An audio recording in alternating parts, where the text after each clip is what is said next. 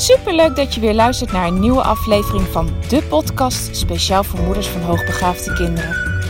Mijn naam is Eveline Noordzij en in deze podcast deel ik tips en inspiratie, zodat jij meer en meer in jezelf gaat geloven en durft te vertrouwen op je intuïtie. Want jij bent precies de moeder die jouw kind nodig heeft. Hoe ga je om met uitdagende situaties? Wat heeft jouw kind van jou nodig? En hoe zorg je voor verandering in je gezinssituatie door jouw eigen persoonlijke groei?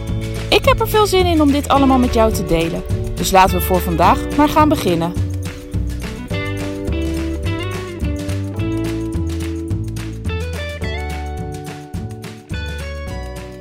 Hey, welkom bij, bij een nieuwe podcast. Leuk dat je weer luistert. Vandaag is het zondag. Deze podcast komt morgenochtend dus online. Ik ben naar de praktijk gereden. Uh, en met name om de dag van morgen voor te bereiden.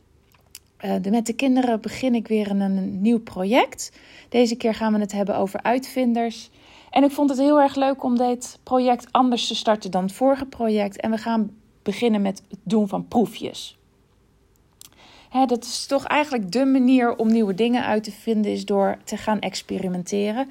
Nou krijgen ze gewoon proefjes die al van tevoren bedacht zijn. Maar wie weet komen ze zelf daarna ook nog met hele creatieve ideeën voor een nieuw proefje. Dus ik ben heel erg benieuwd. We gaan in ieder geval morgen van start. En toen dacht ik, ja, laat ik ook gelijk even een nieuwe podcast opnemen. Rustiger dan hier kan het niet. Ik ben de enige hier in het gebouw momenteel. Dus uh, even in alle rust.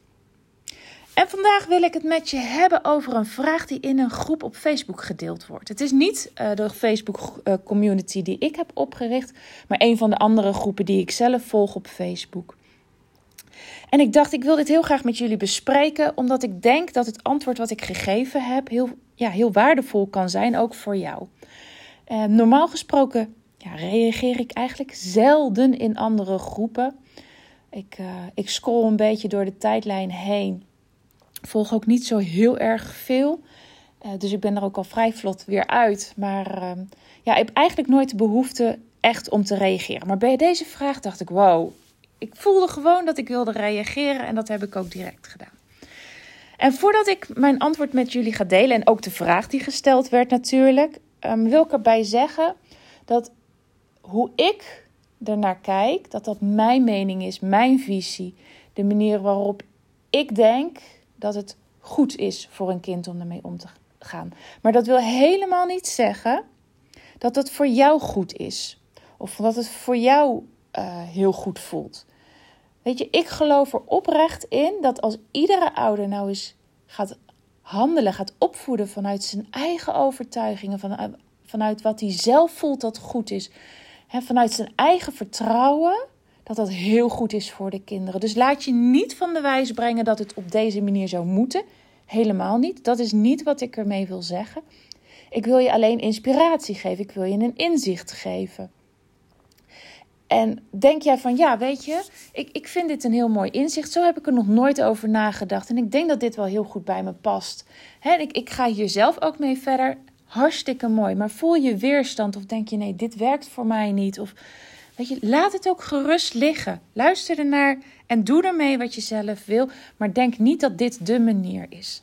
Dat is absoluut niet mijn bedoeling. Dus nogmaals, ik ga gewoon het inzicht delen met je. Zoals ik zou handelen en zoals ik ook gehandeld heb in het verleden bij, mijn kinderen. En um, ja, kijk, kijk wat je er voor jezelf uit kan halen. Um, even kijken hoor. Nou, het ging over de volgende situatie. Um, deze moeder deelde eh, dat haar kind voor zijn verjaardag verjaardagsgeld had gekregen. En dat hij in, daarvan, van dat geld wat hij had gekregen, heel graag een nieuwe nerf wilde kopen. Terwijl hij eigenlijk al vier nerven had liggen thuis. hij had al vier nerven gekregen of zelf gekocht. Of nou, maakt niet uit. Um, en moeder had zoiets van: Jeetje, ik vind het eigenlijk wel zonde. En mede ook vanuit de overtuiging van moeder: van weet je, ik zou zo graag willen dat we wat minder uh, uh, consumeren op deze aarde. Het is veel, veel beter voor de aarde, voor het milieu. Het is weer extra plastic wat erbij gekocht kan worden. En ja, aan de andere kant, wat moet je met nog een nerf als je er al vier hebt? Je kan er toch maar één tegelijkertijd in je handen stoppen uh, om mee te spelen. En ja, die moeder had zoiets van: ik, ik, ik weet niet zo goed wat ik hier nu mee moet. Want aan de ene kant wil ik niet mijn wil opleggen. En aan de andere kant wil ik ook eigenlijk niet dat hij die Nurf gaat kopen. En ze vroeg in de groep: ja, wat zouden jullie als ouder doen? En mijn eerste reactie, direct, ik voelde het in heel mijn lijf, was: laat gaan, laat het los. Um, en hoewel ik niet weet in hoeverre dit om een, een hoogbegaafd kind ging of niet, en dat maakt eigenlijk denk ik ook voor het antwoord in deze niet zozeer uit of ik dat weet. Um, ik, ik vertaal hem eigenlijk altijd direct naar mijn eigen kinderen, dus ook naar, naar hoogbegaafde kinderen. Um, ik vind het heel belangrijk om het te laten gaan in deze. En dat heeft alles met autonomie te maken. Dat is echt de kern van, ja, van mijn mening. Um, en zeker bij hoogbegaafde kinderen is die autonomie zo ontzettend belangrijk. het gevoel dat ze zelf dingen kunnen bepalen. Het gevoel dat ze zelf de ruimte krijgen om dingen uit te zoeken en te proberen. Um, dat, die kern, het zelf doen, het zelf mogen beslissen, mogen bepalen, is voor hoogbegaafde kinderen enorm belangrijk. Wanneer ze dat gevoel niet voldoende hebben, zal je merken dat ze overal tegenaan gaan schoppen. En hoe meer je beperkt, hoe harder het geschopt wordt en hoe meer vrijheid ze ervaren, ze ook veel meer meebewegen op het moment dat jij zegt van oké, en maar dit kan echt niet of dit wil ik echt niet. En ze ook veel meer bereid zijn om te luisteren naar jouw argumenten die, ja, die ze tot een ander inzicht kunnen brengen. Maar luisteren naar de argumenten van jou is iets anders. Hè? Die delen met jouw kind is echt anders dan je wil opleggen. Dat is een heel belangrijk onderscheid om te maken. Ehm, wanneer jij je bedenkingen bij iets hebt, of een bepaald gevoel, hè, zoals deze moeder in, in, in deze casus, die kan je best delen. Je kan ook best vragen stellen van, joh, maar als je al vier nerven hebt, wat ga je dan met een vijfde doen? Um, persoonlijk heb ik deze, deze vraag echt wel eens aan onze jongens gesteld, omdat die ook Nerf zoveel wilde. Dat ik zei, maar jongens, je kan toch maar met één tegelijkertijd schieten. En toen kreeg ik als antwoord, ja maar mama, als wij een uh, nerfgevecht tegen met elkaar houden... Uh, wat ze dan op zolder doen, ze hebben, slapen allebei op zolder... en dan barricaderen ze ieder hun eigen deur die recht tegenover elkaar zitten. En dan beschieten ze elkaar van de ene kamer naar de andere kamer. Dan kunnen we even snel wisselen van nerf. En dan, uh, dan kunnen we de volgende pakken zonder dat we hem weer helemaal hoeven te, te, opnieuw te hoeven te laden. Nou ja, prima. Nu begreep ik waarom zij het dan wel nodig vinden. En maar dat soort um, vragen mag je best stellen. Je mag ook echt wel delen jouw visie erop.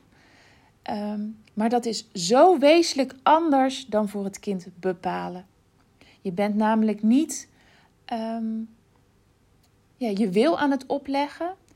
Um, je bent ook niet aan het manipuleren. Hè? Want wat ook, wat je ook als ouders nog wel eens kan doen. Van uh, ja, maar, want als jij dat dan nou niet koopt, dan doe ik. Nee, dan ben je aan het manipuleren. Maar je bent gewoon van ja, in een één op één gesprek gewoon inzichten en ideeën en meningen aan het uitwisselen. En op basis daarvan kan je kind een keuze maken. Maar de vrijheid van die keuze, dat is autonomie, die ligt dan bij het kind.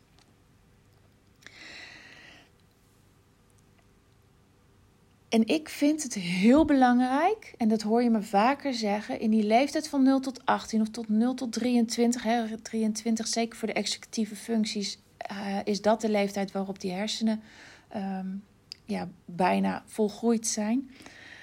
Um, is zo belangrijk om daar gebruik van te maken om de kinderen iets te leren. En door ze heel veel autonomie te geven, krijgen ze ook de kans om te leren. En leren is voor mij iets zelf doen, iets ervaren. Hè? Positief iets kan je ervaren, maar ook de mindere kanten. Je kan er echt uh, ja, vallen en weer opstaan, iets ontdekken dat het beter anders had gekund. Dat vind ik leren. En leren, leren is voor mij absoluut niet doen wat je ouders je zeggen. Dat is niet zelf leren, dat is gewoon opvolgen. Eh, en dat, dat zelf leren, dat vallen en dat weer opstaan en dan evalueren wat er anders had gekund. Ik denk dat dat zo belangrijk is, zo waardevol is voor een kind om dat al van jongs af aan te leren. Daar hebben ze later zo ontzettend profijt van. Ehm, dat dat echt de stimulans ook voor mij altijd is om mijn kinderen heel veel autonomie te geven. Dus ik zei tegen deze moeder: ik zou mijn kinderen hierin laten gaan, omdat ik het zo waardevol vind. Ze leren namelijk en met geld omgaan, want ze kunnen dat verjaardagsgeld maar één keer uitgeven. Hebben ze dan een nerve en spelen ze er niet mee? Hoe leerzaam was het dan? Hoe leerzaam was het dan niet voor het kind om voortaan eerst wat langer na te denken voordat het iets kan gaat kopen? Ehm, maar het is ook dus heel leerzaam in de zin van dat je je eigen beslissingen mag nemen. Hoe fijn is het niet als je als kind al leert dat je eigen beslissingen kan nemen en hoe je dat dan kan doen en hoe je dingen kan afwegen. En nogmaals, je kan je je kind absoluut bij ondersteunen. Er was ook een andere ouder die zei: Weet je, wat ik doe bij mijn kinderen in deze is dat ik ze herinner als ze al een lange termijn doel hebben, ze zijn aan het sparen voor iets, dat ik zeg van oké, ja weet je, als jij dit wil kopen, dan kan dat. Maar weet je nog dat je aan het sparen was voor? En dat is ondersteuning bieden, helpen, maar niet bepalen. En ik schreef deze moeder ook dat ik haar gevoel wel heel goed begreep, omdat ik dat zelf ook altijd zo voelde. Um, een van onze kinderen, onze oudste, die kocht altijd, zodra ze geld in haar handen had, kocht ze echt de ene prularia naar de andere. Uh, we hebben de action uh, nou heel erg dichtbij zitten. En zodra ze geld had, moest ze daar naartoe. Dan moest het geld uitgegeven worden. Dat ik wel eens dacht: oh man, ik hoop maar dat je ooit gaat leren te sparen. En op een gegeven moment Um, daar zal ik nog een andere podcast een keer over opnemen. Dat is ook heel interessant. Zij heeft echt met negen jaar van mij al kleedgeld gekregen. En wij zijn toen een rekening gaan openen. En zowel haar zakgeld als haar kleedgeld ben ik op die rekening gaan storten. En ik heb haar daarbij gezegd van um, ik wil dat je precies bijhoudt wat jouw zakgeld is, wat je kleedgeld is, hoeveel je uitgeeft aan je kleedgeld, hoeveel je uitgeeft aan je zakgeld. Ik denk ja, ik wil voorkomen dat haar zakgeld, uh, dat haar kleedgeld gebruikt gaat worden als zakgeld. Uh, en in het begin hield ze dat uh, keurig bij en liet ze me dat ook zien. Inmiddels houdt ze het nog steeds keurig bij. Uh, dat doet ze allemaal op haar telefoon. En doordat zij altijd gewend was dat ze haar geld zelf mocht beheren en zelf mocht uitgeven, um, heeft ze gaandeweg ook geleerd wat sparen is. En dat is extra in een stroomversnelling gekomen toen ze zelf zo heel goed ging bijhouden hoeveel geld ze nou had, wat haar zakgeld nou was, wat, waar ze het uit, aan uit ging geven. En inmiddels denkt ze echt, nou, ik denk soms wel eens te veel na over of ze een bepaald boek wel zou kopen of niet zou kopen. Want als ze het wel uitgeeft, dan komt ze. Dan, dan zakt ze in haar geld. En wat wil ze nou nog meer? Ze is echt het helemaal aan het beredeneren. En vorige week liet ze mij een overzicht zien van de hoeveelheid zakgeld en kleedgeld dat zij heeft. En toen dacht ik, ja, maar jij hebt nu geleerd om heel verstandig met jouw geld om te gaan. En deze stappen had jij nooit kunnen maken als ik jou altijd beperkt had. In de zin van dat ik had bepaald of je wel of geen geld uit mocht geven. Dus die les die zij al van jongs af aan heeft kunnen leren, is zo ontzettend waardevol geweest. En nu, nu ze 13 is, kan ze haar eigen geld heel. Ehm, ja, ik vind het echt dat ze enorme verantwoordelijkheid daarin laat zien. Kan ze dat heel goed beheren. Um, en ik denk dat dat echt, dat die autonomie, autonomie die ze gekregen heeft, daaraan heeft bijgedragen. Nou ja, dit is in ieder geval zoals ik er naar kijk. Dit is ook wat ik die moeder heeft meegegeven zoals ik er naar kijk. En zij gaf aan, ja, dit voel ik ergens ook wel van binnen. Um, dit komt overeen met hoe, hoe, hè, hoe ik het ervaar. En ik, ik denk dat ik daar ook wel eigenlijk wel naar neig. Ehm, dus ja, dat is mooi. En als ze had gezegd van nou, ik ben het totaal niet met je eens, hey, ook prima. Hè? Dat is wel een begin wat ik zei. Maar als jij ergens voelt uh, dat jouw kind ook veel meer autonomie nodig heeft, ga dat geven. En ja, dat betekent dat je je kind misschien dingen laat doen die, die leeftijdsgenoten nog niet mogen of nog niet krijgen. Um, maakt niet uit. Helemaal niet erg. Als jouw kind eraan toe is, als jouw kind het aan kan, of als jij vindt dat je kind het mag proberen en mag vallen en weer opstaan, wie houdt jou tegen? Doe het op jouw manier, op jouw tijd, op jouw voorwaarden. En dan ga ik het hierbij laten. Ik wens je een hele fijne dag en ik spreek je woensdag weer. Groetjes, doei doei!